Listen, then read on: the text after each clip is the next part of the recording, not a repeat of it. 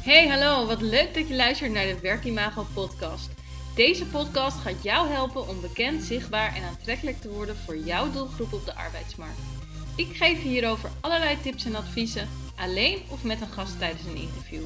Daarnaast neem ik je mee in de leuke en minder leuke momenten van het ondernemen en mijn leven. Wil je tussen de podcast door meer zien, horen of contact met mij opnemen? Volg mij dan op Instagram, werkimago. Veel luisterplezier!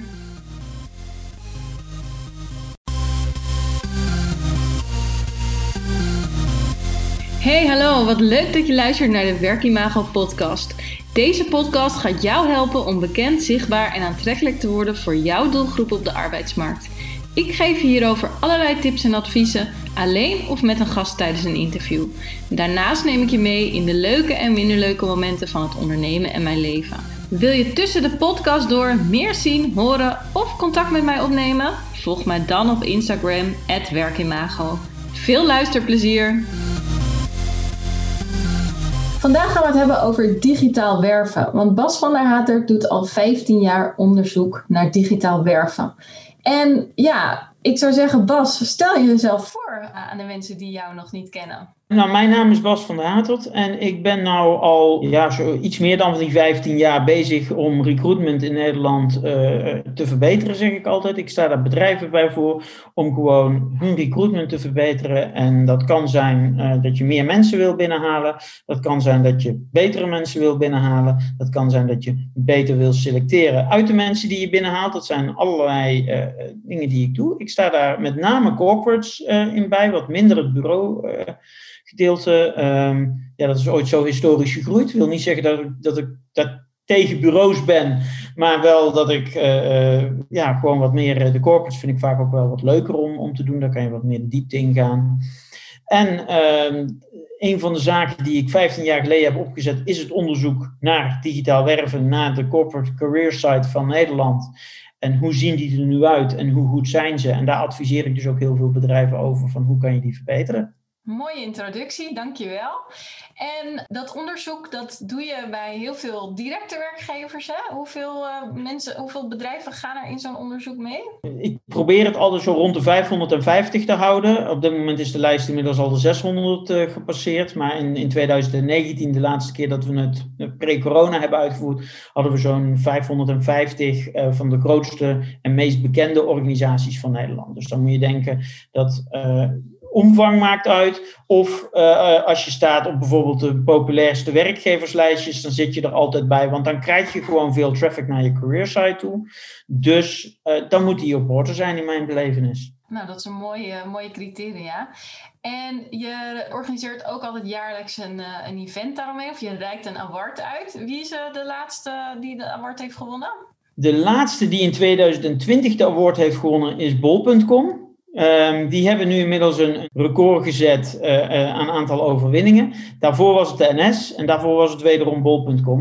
Uh, we hebben tegenwoordig eh, ook gezegd dat de winnaar zit in de jury, dus die kan het jaar erop ook niet meer winnen. Op dit moment steken er in Nederland twee partijen tot op heden bovenuit. Dat waren dus de NS en bol.com. Die zijn wel echt volgens de jury, waar ik zelf niet in zit overigens, um, waren die wel ja, het beste. Ik bepaal het onderzoek. Um, op basis van overigens alle andere onderzoeken waarvan men zegt dat vinden kandidaten belangrijk.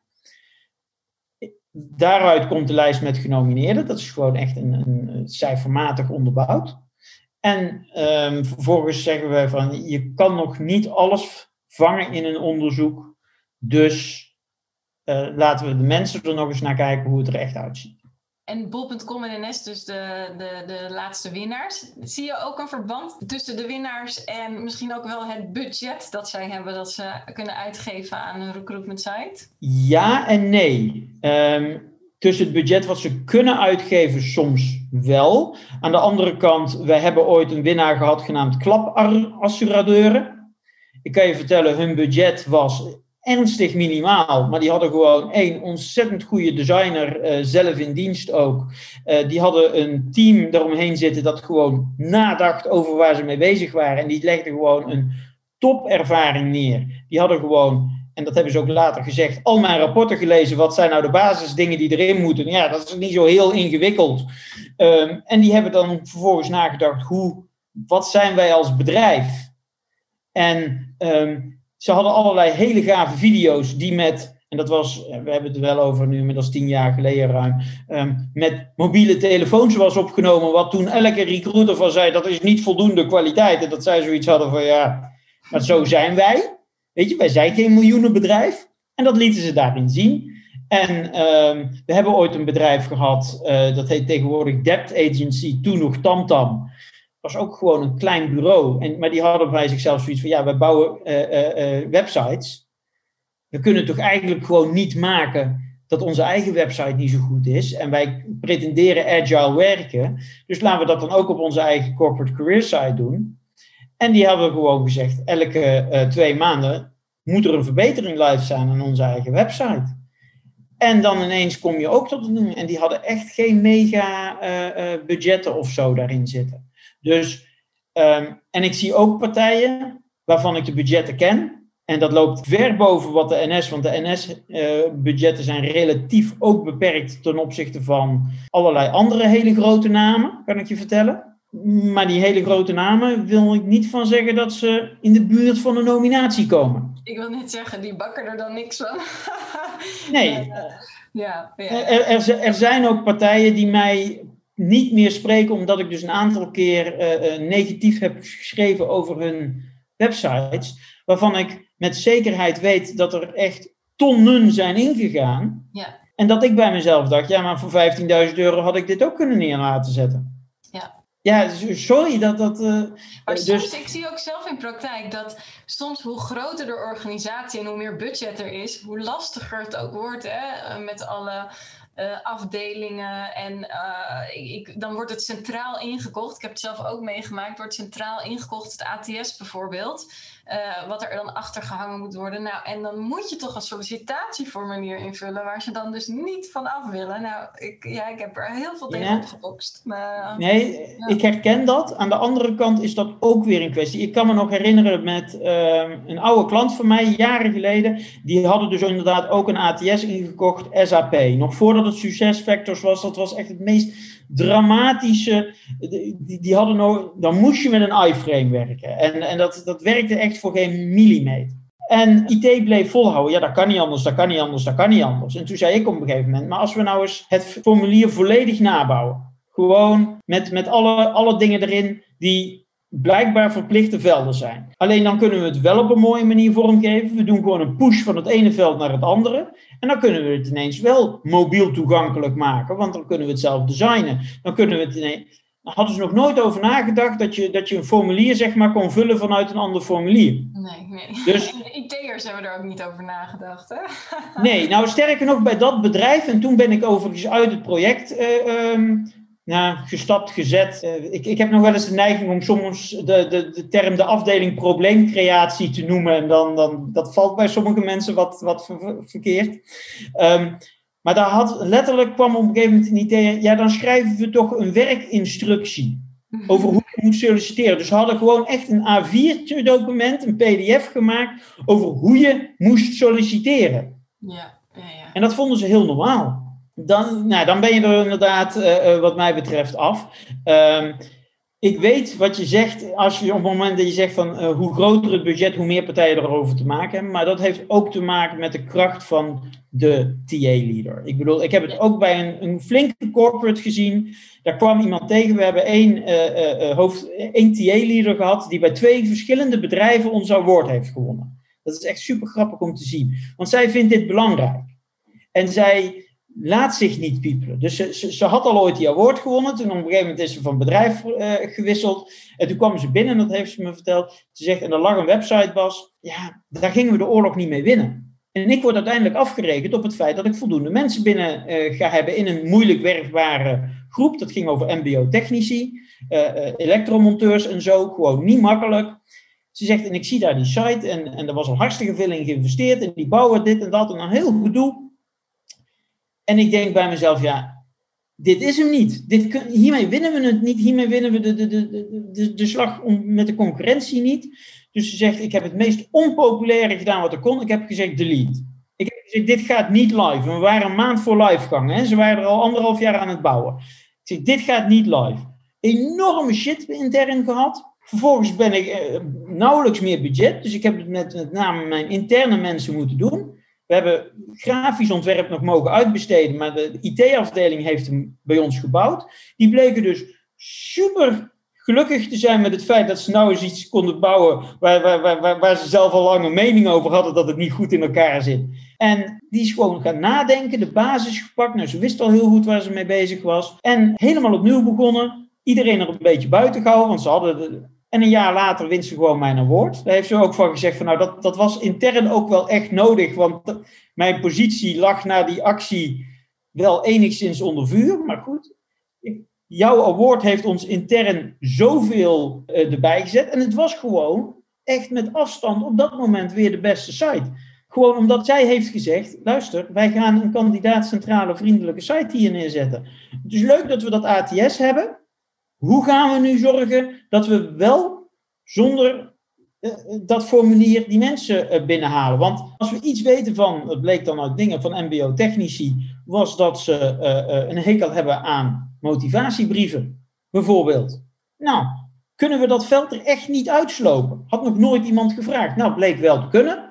En in plaats van dat, dat, dat, dat ze een motivatiebrief maakten, ze optioneel of ze zetten er een vraag bij van waarom wil je, wil je graag voor ons werken? Dat soort dingetjes. Uh, en het mooie is, een paar jaar later stonden ze bij mij te presenteren als, als oud-winnaar. Ze hebben, ze hebben dat woord meerdere keren gewonnen, omdat niemand ze ook wist in te halen. Een paar jaar later stonden ze bij mij te, eh, te presenteren en toen stelde iemand de vraag: Ja, maar jullie hebben maar geloof op dit moment 32 vacatures openstaan. Hoe krijg jij het voor elkaar om zoveel budget te krijgen om hier een award-winning site neer te zetten, terwijl je maar 32 vacatures uh, uh, open had staan? En het grap was, het was inmiddels haar opvolger.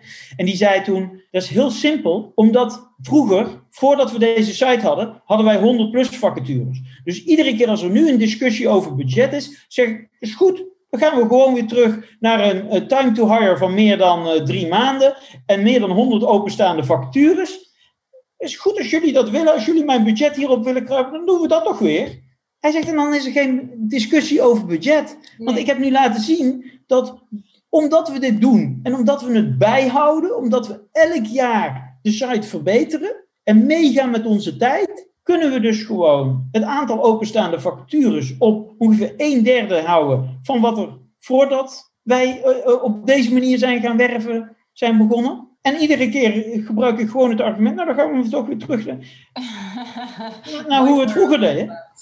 Ja, ja. Dus weet je dat dat een van de fouten die wij in de recruitment bijna altijd maken, is het, het is vaak een gebrek aan budget. En dan vinden we dat we daarmee om moeten kunnen gaan. En ik heb inmiddels uh, uh, uh, heb ik gezegd van op het moment dat jouw directie altijd loopt te zeiken over jouw kosten, ga dan gewoon RPO. Besteed alles uit. Punt. Heel kleine interne unit en alles uitbesteden.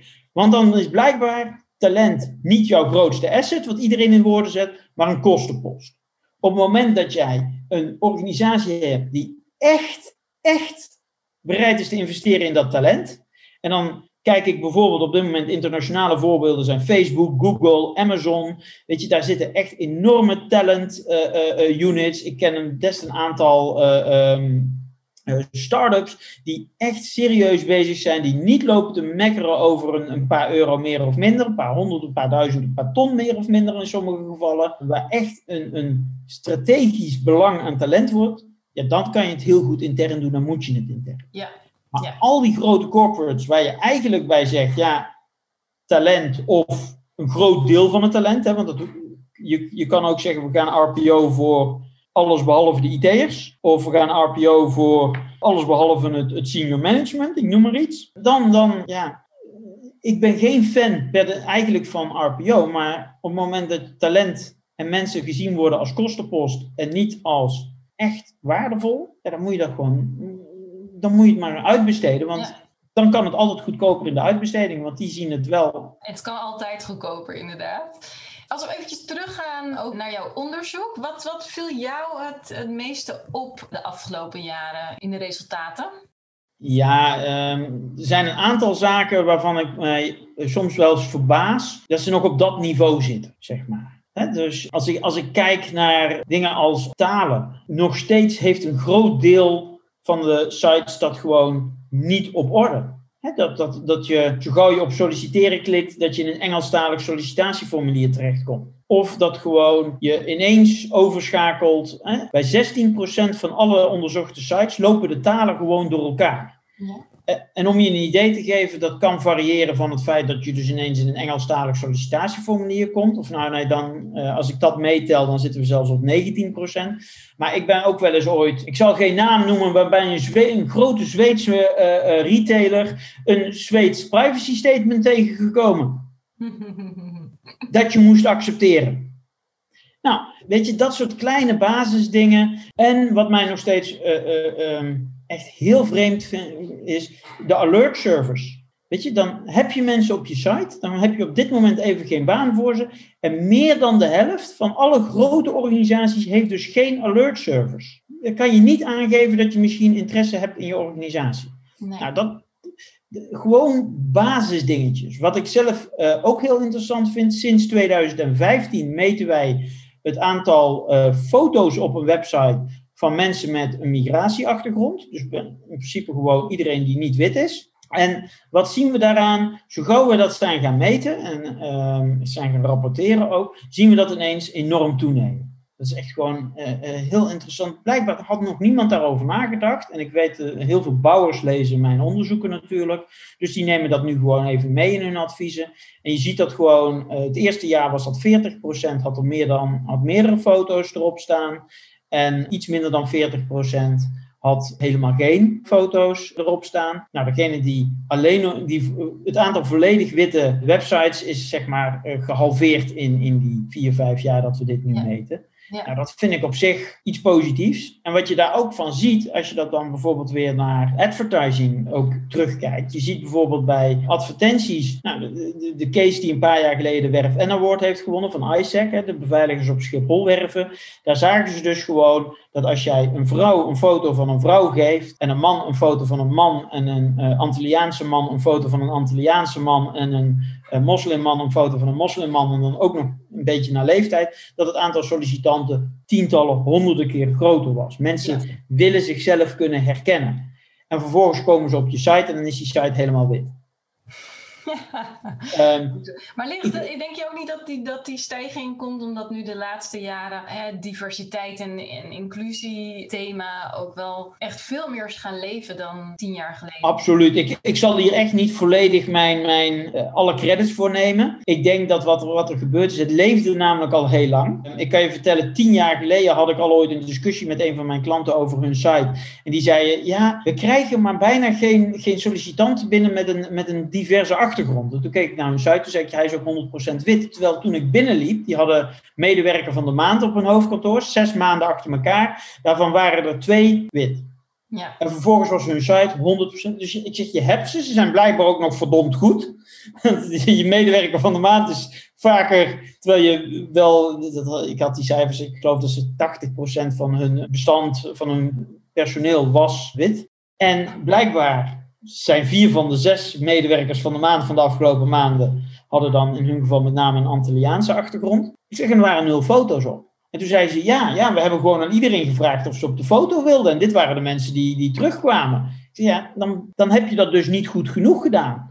Dan had je dus gewoon moeten gaan tellen, moeten vinken. Dat is letterlijk wat ik doe. En dan moet je gewoon zeggen, luister, dat moet 20%. Dus dan ga ik gewoon uh, kijken wie is het meest fotogeniek, wie zou dingen. En dan ga je dan op de persoon afvragen. Nou, dus de bewustwording is aan de ene kant groter, maar de bewustwording dat je het ook moet uitstralen en dat je dat in foto's moet uitstralen, is nog veel meer toegenomen. En dit zijn denk ik ook, mm, misschien nu wat minder, maar de laatste jaren gewoon dat mensen er ook niet bij stilstonden. Want dit voorbeeld ook, ze, ze hebben er gewoon nooit geen seconde over nagedacht, inderdaad. Uh.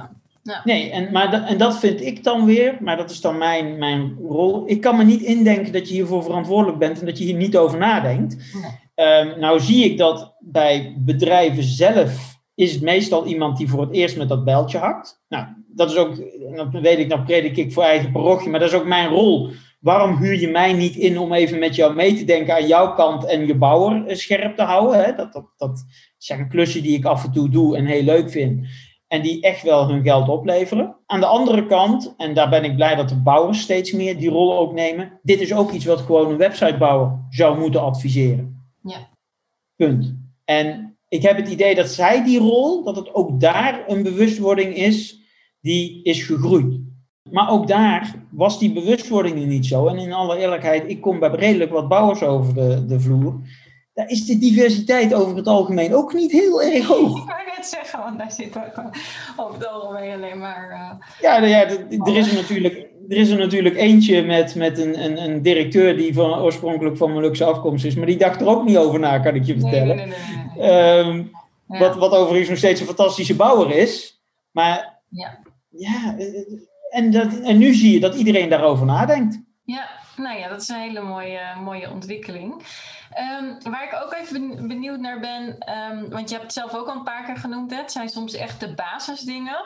Welke, nou laten we zeggen, drie basistips of tips wil jij meegeven aan de recruiters die nu luisteren, die ze bijvoorbeeld morgen nog kunnen aanpassen op een, uh, in een, ja, op een website of een digitale stuk? Nou, de, ik denk dat de meest belangrijke, en dat is ook gewoon het meest belangrijke item wat iedereen kan aanpassen, is de vacature zelf.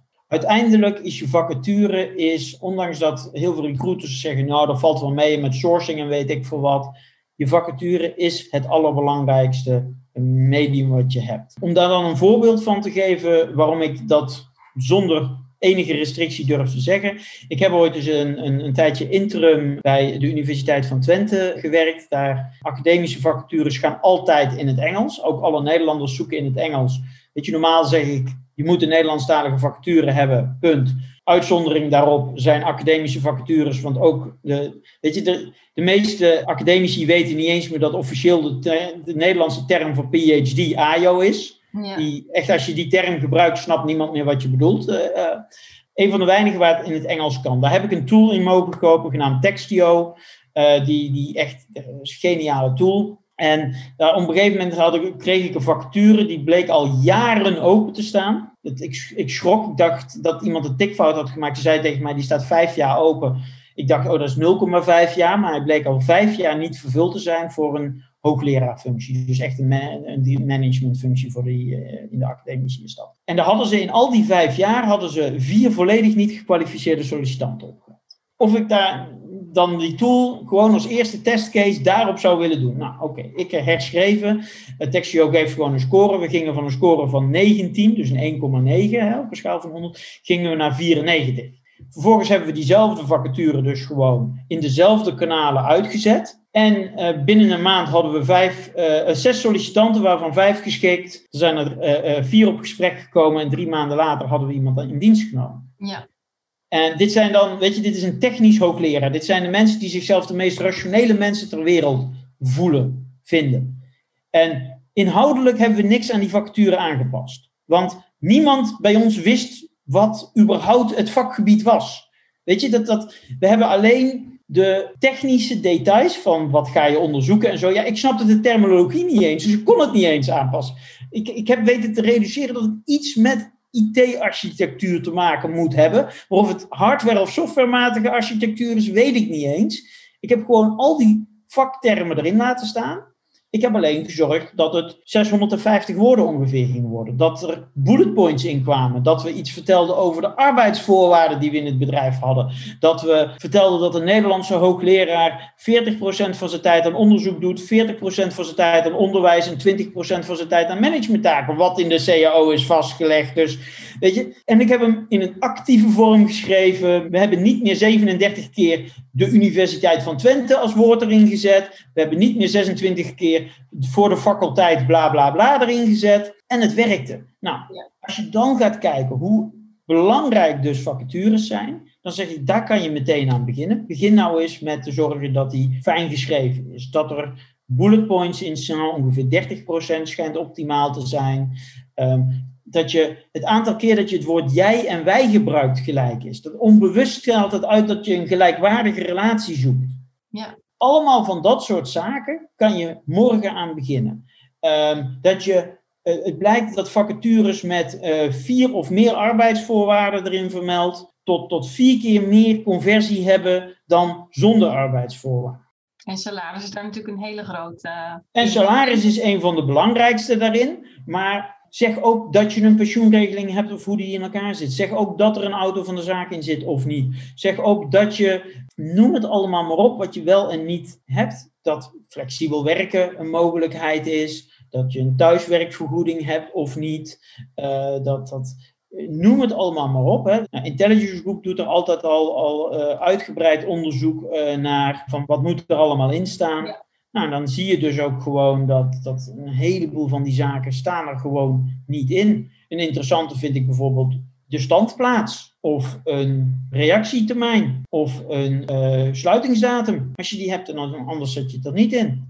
Nou, als je gaat kijken naar, naar de wensen die je bijvoorbeeld hebt, twee derde noemt slechts de taken en verantwoordelijkheden die je, die je straks gaat hebben. Ja, en dat moet allemaal in die 650 worden.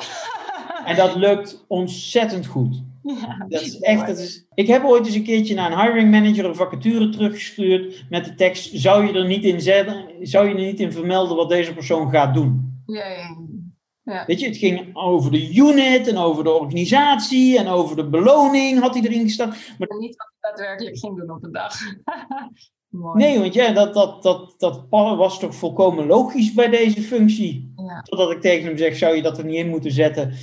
Hoe, hoe weet je, uh, hoe wij dat, uh, was ook een internationale dingen, hoe dat er in elkaar gaat zitten hier. Ja. Nou. Dus ik denk de belangrijkste tip waar je morgen mee kan beginnen is maak je vacature op orde. Ja. Welke andere twee, nou misschien wel basisdingen, kunnen de luisteraars mee aan de slag? Ja, het is moeilijker om daar meteen mee aan de slag te gaan, maar mobiel. Mobiel is zo ontzettend belangrijk en, en uh, wordt nog zo vaak genegeerd. En ik, ik verbaas me erover, weet je. En ja, als je per se een cv erbij wil hebben, is je mobiel niet heel handig. Maar zorg dan dat mensen zonder cv op hun mobiel kunnen solliciteren. En ga er vervolgens desnoods volledig geautomatiseerd achteraan voor, goh, zou je mijn cv nog bij willen sturen? Maar waarom zeg je gewoon tegen mensen, ja, jammer, goh, je hebt interesse, je wil nu solliciteren, laat maar. Ja. Nou, dat, dat gemiste kans. Enorme gemiste kans. En ja, het andere waar ik dus zelf al dingen, kijk eventjes naar je fotografie. Je beeldmateriaal is ook iets wat gewoon ontzettend belangrijk is. Straalt dat nou uit wat je daadwerkelijk wil dat het uitstraalt? Staan daar de juiste mensen op? En ook weer, en dat is dan niet meestal heel snel te doen, maar rondom je vacature, bied daar je, je content aan, bied daar je, je dingen aan. En, nou nee, en een van de allermakkelijkste tips om, om te doen, vanuit je vacature zou elke link per definitie, behalve de solliciteerlink, in een nieuw venster moeten openen. En hoe zou dat? Nou, je hebt mensen op de plek waar je wil dat ze zijn, namelijk de vacature, de plek waar ze moeten converteren van kandidaat naar, naar, naar sollicitant, naar kandidaat. En dan ga je ze iets vertellen over het bedrijf en dan stuur je ze weg bij de vacature. Ja, ja, ja. ja. Nee, je opent het in een nieuw venster. Fantastisch dat filmpje daar. Moet je houden. Fantastisch die referentie daar. Moet je houden. Fantastisch dat blogartikel dat je erbij hebt gezet. Moet je daar houden, maar wel in een nieuw venster, zodat ze niet je vacature kwijt zijn. Maar is ook niet uit jouw onderzoek, uh, kwam het ook niet naar voren dat de meeste vacatures überhaupt geen bedrijfsfilmpje of link naar blog uh, of testimonial of iets überhaupt hebben? Ja, nee, dat absoluut. De aankleding kunnen we nog heel veel op winnen. En nogmaals, je vacatures zouden dus landingpages moeten zijn, want dat is het andere wat de meesten vergeten. Bijna iedereen denkt dat je binnenkomt via de homepage. Terwijl als je naar de data gaat kijken, ziet 90% van de bezoekers je homepage niet. De allerbeste contentpagina's die ik ergens ben tegengekomen, krijgen 1% van het aantal bezoek. Een beetje afhankelijk hoe je site is ingedeeld, komt tussen de 80 en 90% ziet niets anders dan je vacatures.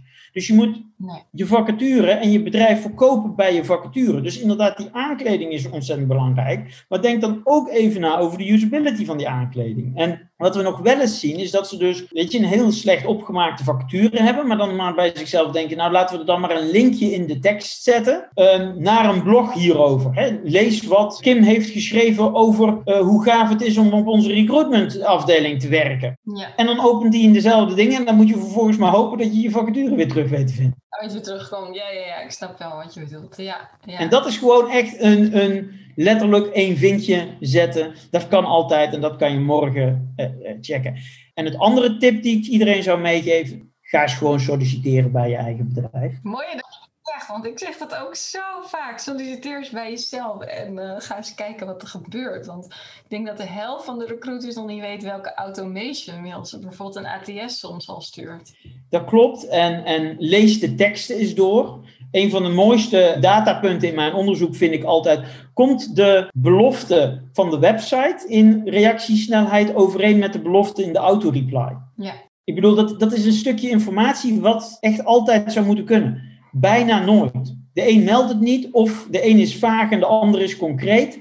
Weet je, uh, uh, ik noem dat altijd het snel en spoedig virus. Het probleem is dat jongere generaties hebben een ander idee van snelheid. Dus als jij daartegen zegt, je krijgt snel een reactie, verwachten ze dus diezelfde dag een reactie. En dan zijn ze teleurgesteld als je er een week over doet. Terwijl de gemiddelde recruiter vindt een reactie binnen een week best rap. Ja.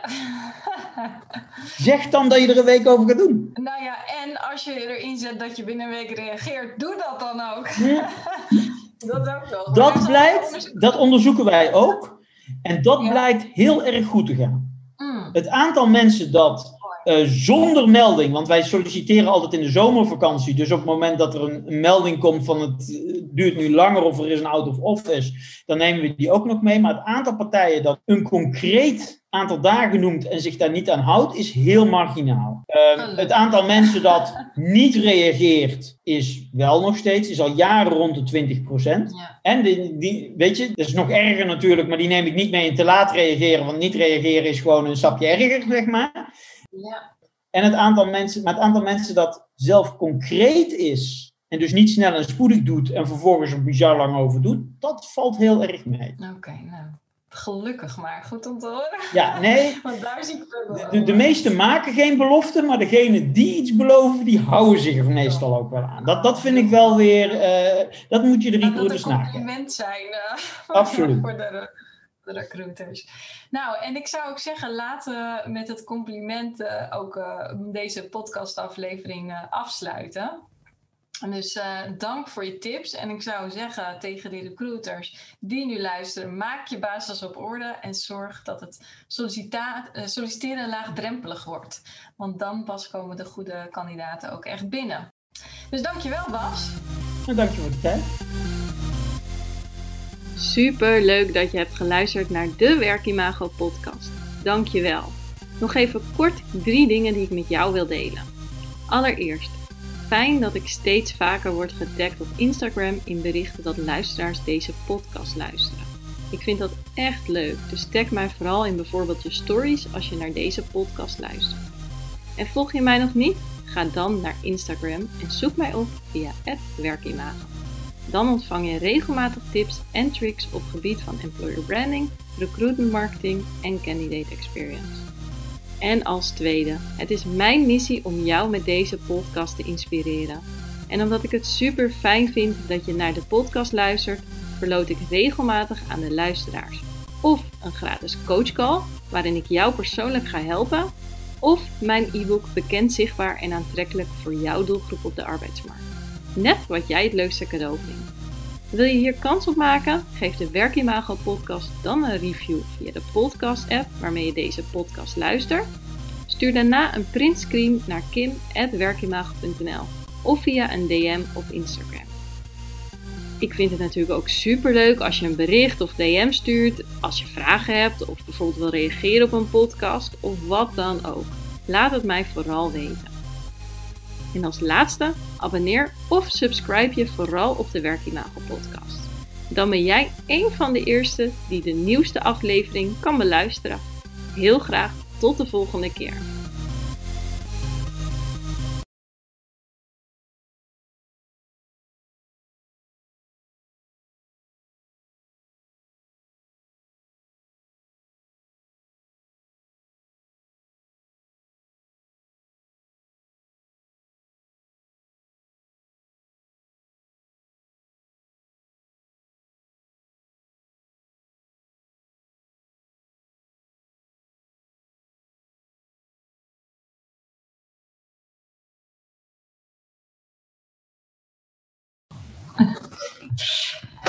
Even kijken. Ik uh, record ik zal nog even inleiden, maar ik had de recording dus eventjes uh, uit op pauze gezet. Dus dan gaan we nu met de tweede beginnen. En dat is dan over digitale selectietools. Ja. Dan...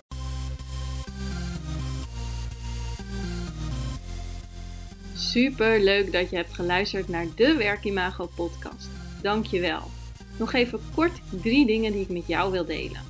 Allereerst, fijn dat ik steeds vaker word getagd op Instagram in berichten dat luisteraars deze podcast luisteren. Ik vind dat echt leuk, dus tag mij vooral in bijvoorbeeld je stories als je naar deze podcast luistert. En volg je mij nog niet? Ga dan naar Instagram en zoek mij op via werkimago. Dan ontvang je regelmatig tips en tricks op gebied van employer branding, recruitment marketing en candidate experience. En als tweede, het is mijn missie om jou met deze podcast te inspireren. En omdat ik het super fijn vind dat je naar de podcast luistert, verloot ik regelmatig aan de luisteraars. Of een gratis coachcall, waarin ik jou persoonlijk ga helpen. Of mijn e-book Bekend, Zichtbaar en Aantrekkelijk voor jouw doelgroep op de arbeidsmarkt. Net wat jij het leukste cadeau vindt. Wil je hier kans op maken? Geef de Werkimago podcast dan een review via de podcast app waarmee je deze podcast luistert. Stuur daarna een printscreen naar kim.werkimago.nl of via een DM op Instagram. Ik vind het natuurlijk ook super leuk als je een bericht of DM stuurt, als je vragen hebt of bijvoorbeeld wil reageren op een podcast of wat dan ook. Laat het mij vooral weten. En als laatste, abonneer of subscribe je vooral op de Werkimago podcast. Dan ben jij een van de eerste die de nieuwste aflevering kan beluisteren. Heel graag tot de volgende keer.